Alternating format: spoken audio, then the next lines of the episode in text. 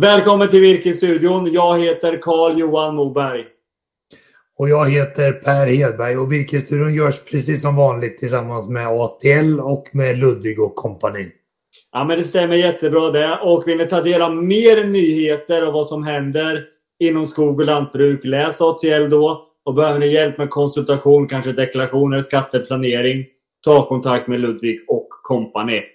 Per, vad händer hos dig just nu? Nej, men jag tycker nu börjar ju kylan krypa på och det har gjort att elpriserna har gått upp lite grann och det gör väl kanske att efterfrågan på energisortimenten från skogen drar iväg lite grann också. Och det, det gör att vi ser massavedspriser på över 500 kronor i Mellansverige och det är intressant för det skiljer nu ett par hundra kronor mellan olika köpare av lite olika sortiment. Så att det är värt att vara på tå, jämföra, konkurrensutsätta. För på en avverkning på 1000 kubik, vilket ju inte är ovanligt, så är det ofta ett par 300 000 kronor i skillnad mellan olika aktörer på vad de betalar.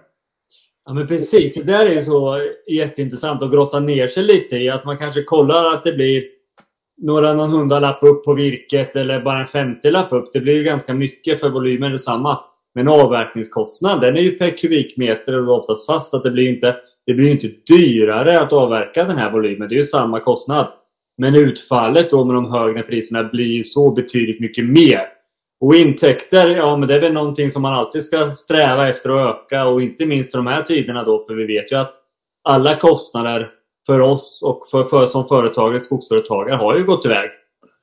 Du Carl-Johan, kan vi säga någonting om sågtimmerkonjunkturen? Vi, har, vi ser ett vikande byggande, stigande räntor, fortsatt hög inflation även om den verkar lugna sig lite grann. Ja, men det kan man göra. Det här är ju en, en vad ska man säga, det är ju svåranalyserat egentligen vad, vad sågtimret eh, tar vägen. Det finns ju en viss oro självklart i inköpsleden. Vad, vad händer egentligen efter jul? Men man får ju då gå och kolla lite på vad händer då med byggvaruhandeln. Eh, gå, där vet vi att det har ju bromsat in. Vi vet ju även att eh, försäljning av eh, småhus har bromsat in. Jag hör även att stora fastighetsbolag bromsar vissa projekt också. För att de är lite oroliga för framtiden och kostnader och sådana saker. Men för den skull ska man ju inte måla väggen svart vad gäller sågtimret. Vi vet till exempel att det är en bra efterfrågan på, på tallsortimenten, på furun alltså. Eh, och det är det här vi har pratat så mycket om när man är en skogsägare. Man behöver ha en liten portföljtänk. Ja, men nu kanske man har fokuserat en hel del på, på gran här ett tag just med tanke också med, med den förbaskade granbarkborren. Men då kanske man har möjligheten nu att kunna göra bra affärer på sin fura. Men jag tror att du har helt rätt. Sen tror jag också att svenska sågverk och svensk industri är liksom gynnade av en svag svensk krona. Och sen har ju vi också ändå förhållandevis låga elpriser jämfört med kanske kontinentala sågverk och sådär. Så det finns ju ändå en konkurrensfördel för de svenska sågverken. De går ju ändå helt okej okay, vad vi hör. Ja, precis. Vi vet ju det. Vi hade ju våran Q3-kväll här för ett par veckor sedan. Och det är klart att lönsamheten för sågverken har gått ner, men de ligger fortfarande på historiskt sett historiskt höga nivåer. Och sen det som var innan var väl någon typ av all time high, måste man väl ändå säga. Men du Carl-Johan, på tal om sågverk, du har varit uppe i Dalsland och träffat Håkan Due som driver ett lövsågverk, eller hur? Ja men verkligen och det, det, här är så roligt för att vi pratar mycket om de här barrsortimenten men vi får absolut inte glömma bort lövsortimenten. Så jag var där, intressant att se den här lilla anläggningen då som är uppbyggd på det var Södra som hade en stort sågverk där innan som de la ner för ett antal år sedan då, då som han har köpt och byggt upp lövsågverket. Så vi går över där och tittar på lite hur när de sågar och när jag träffar Håkon.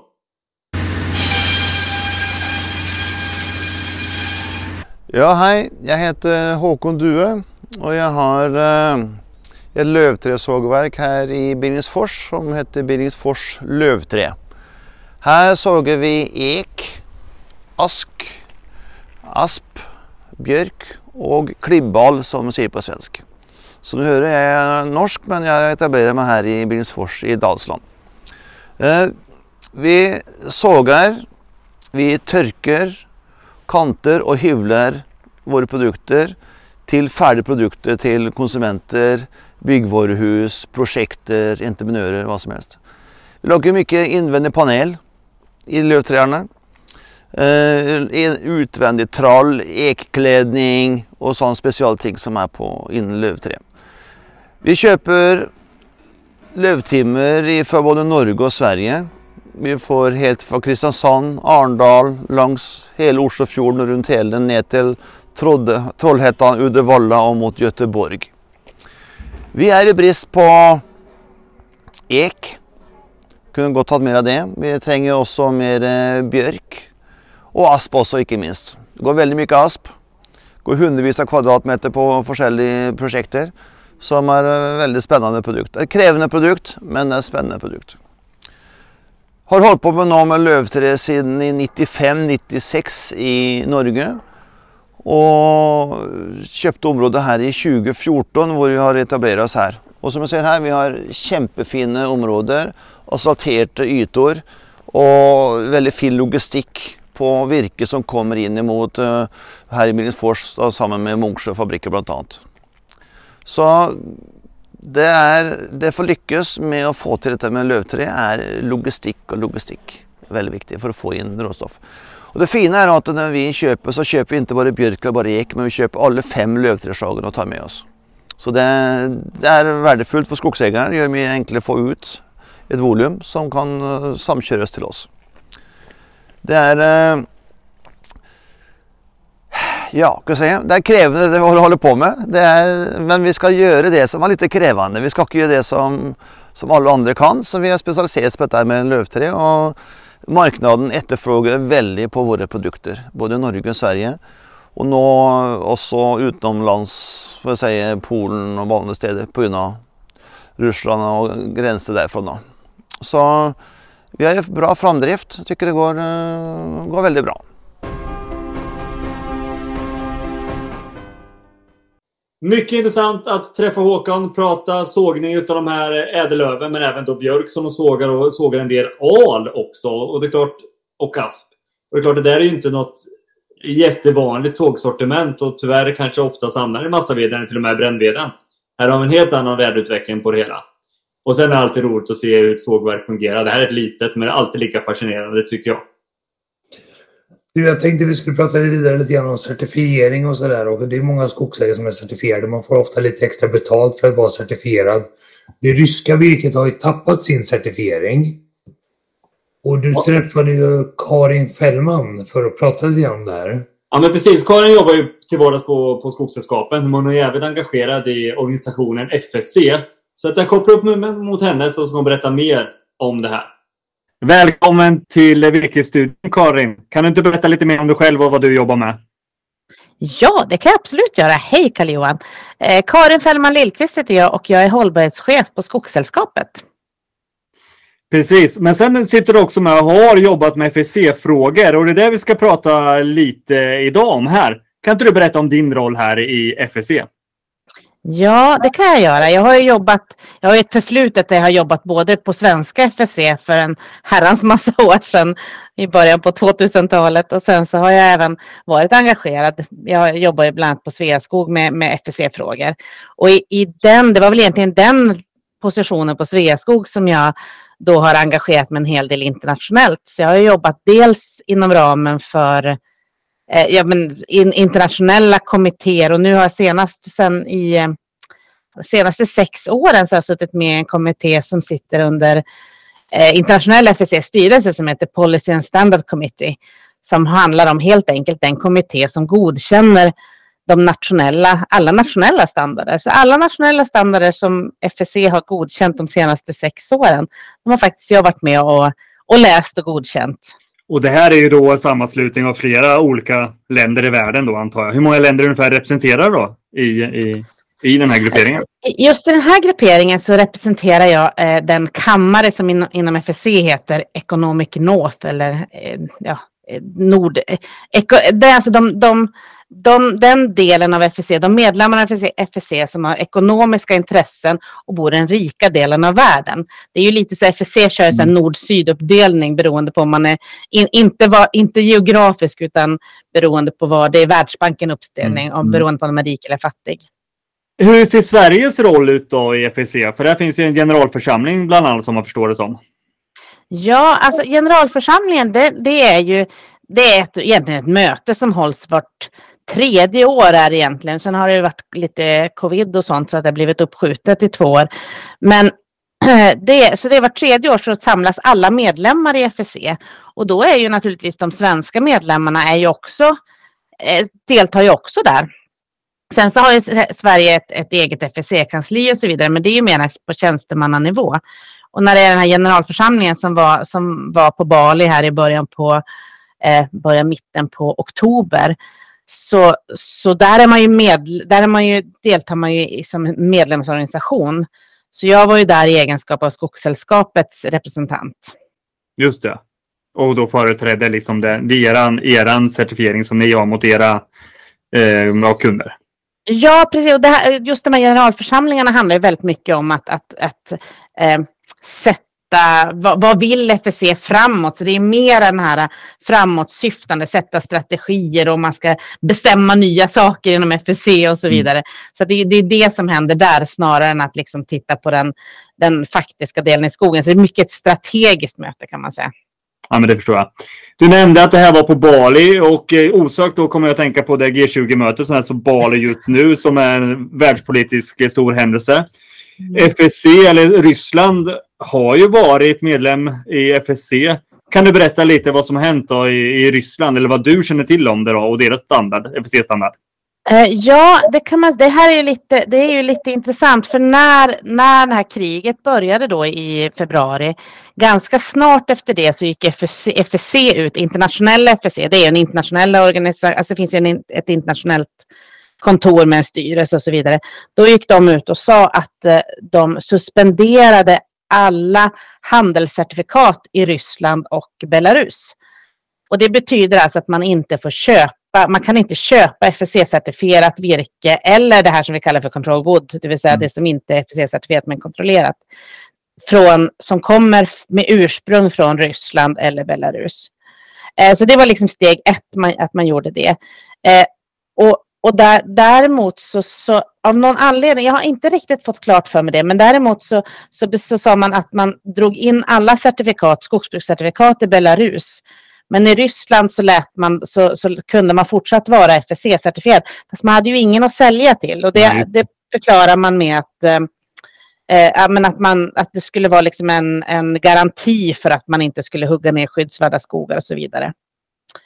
Eh, och sen strax efter det här, då gick FSC Ryssland ut och sa att nej, men då, då bryter vi med internationella FSC. Så vi har, vi har liksom ingen, ja, vi, det finns ingen anledning att ha ett, ett ryskt FSC-kontor med, med tjänstemän i Ryssland och medlemmar och så vidare om, om vi ändå inte får vara med. Så det, det var liksom nästa steg som man gjorde. Och sen så gick man också ut från rysk håll och det är egentligen det gamla FSC-kontoret och jag, skulle, jag tror att det är i princip samma, samma personalstyrka. Så gick man och sa att nu har vi en, en skogsstandard som vi kallar för Forest Etalon som jag tror betyder i princip Forest Standard på ryska. Mm. Mm. Eh, så där, och, och den, den, standarden den är egentligen FSC-standarden men den, den får ju liksom bara jobbas med i Ryssland då än så länge.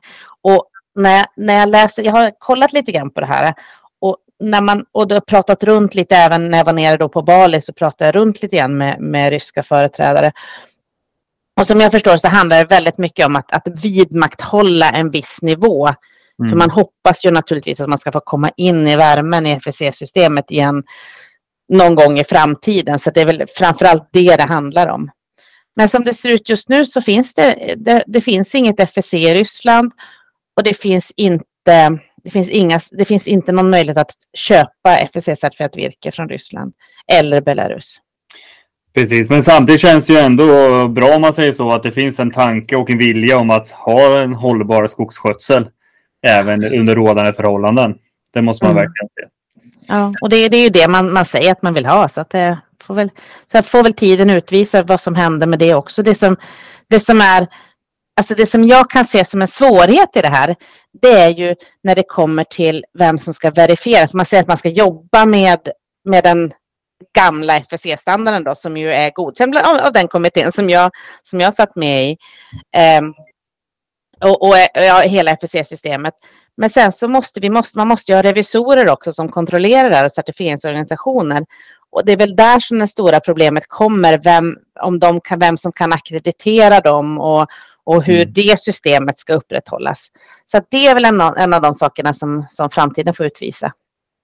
Ja, men jag tror alla gånger. Det här får vi följa. Bara en liten kort fråga som avslutningsvis. Vad tror du då? Vill vi konsumenter ha mer FSC-certifierat i våra produkter vi köper?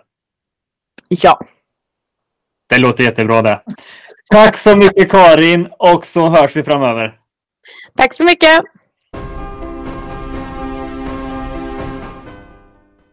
Det här var jätteintressant Carl-Johan att höra mer om FSC. Men du, vad får man som skogsägare om man är certifierad? Vad kan det ge oss? Nej, men alltså dels, dels så ger det ju pengar såklart. Eh, man kan väl säga att det ger mellan 20 till 40 kronor vart i Sverige vi befinner oss. Det varierar lite då hur mycket aktörerna spelar, betalar ut. Men sen ger det någonting större också som jag tycker är fint. att vi får, Man får ju en klassificering på sin skog och man bidrar också till hållbarheten. Och det är någonting som vi verkligen ska trycka på tycker jag. Att vi, vi har ett, en bra skogar i Sverige liksom, som vi ska sköta hållbart. Jag tycker också man ser allt oftare FSC-certifiering används också i reklam. Jag såg häromdagen en FSC-certifierade leksaker och Ikea trycker ju ofta ut att man bara jobbar med FSC och så vidare. Mm. Så det finns en stor efterfrågan här. Och det är klart, ja, det finns markägare som är, som är skeptiska till det. Men, men för tusan, titta en gång till extra på det. Jag tror ju inte att det är så stor uppoffring egentligen på sitt skogsbruk. Tror du nu när Ryssland inte är certifierat längre och inte Belarus, tror du att det kommer att öka efterfrågan på certifierat virke i övriga marknader? Ja, men alltså det är det här som är intressant. För vi ser ju hur, vad heter det, hur, man säga, hur industrin, näringslivet och konsumenterna går före i många frågor. Det var ju på radion i veckan här nu, stora svenska aktörer då, bland annat lastbilstillverkarna, då, verkligen tycker att det går för långsamt i omställningen. För de har gjort stora investeringar och de har efterfrågan på konsumenterna. På samma sätt tror jag också vad gäller det här att vi konsumenter eftersträvar att köpa hållbara produkter. Och ja, i vissa fall kanske det kan vara lite, lite dyrare, men det tror jag liksom det, det finns en storhet i det hela också. Men det är klart, det måste vara roligt och det måste vara lönsamt att driva ett skogsbruk vi kan vara stolta över, oavsett om det är certifierat eller inte. Ja, så är det verkligen. Och sen får man ju också titta på hur andra saker kan påverka till skogsbruk och vad det säger med certifieringen. Vi vet att man inte får alldeles för stor inblandning av så kallade exoter när man nyplanterar, planterar nytt. Då. Men, men eh, det kanske är så att det kanske, det, jag tror det är 5 Det där kan Karin bättre. Men, men eh, det är ändå så att det är ganska stor andel vad man kanske kan sätta då och testa lite. För att det är roligt att se också. Jag tror att många markägare vill utveckla sina fastigheter och testa saker och se. Det är väl på samma sätt som man odlar lite olika grönsaker i trädgårdslandet varje år. Vill man hålla sig uppdaterad på vad som händer på virkesmarknaden, kanske i skogsdebatten och andra skogliga ämnen, då tycker jag man ska läsa på atl.nu. Och behöver man hjälp, råd och stöd och sådär i sitt skogsbruk, då är Ludvig en jättebra partner de når man på ludvig.se. Men det tycker jag vi tackar för idag, Carl-Johan. Ja, men det gör vi. Nu skiner solen in här också, så det är väl ganska trevligt att solen det torkar upp lite. ha det gott! Tack, hej! Hej!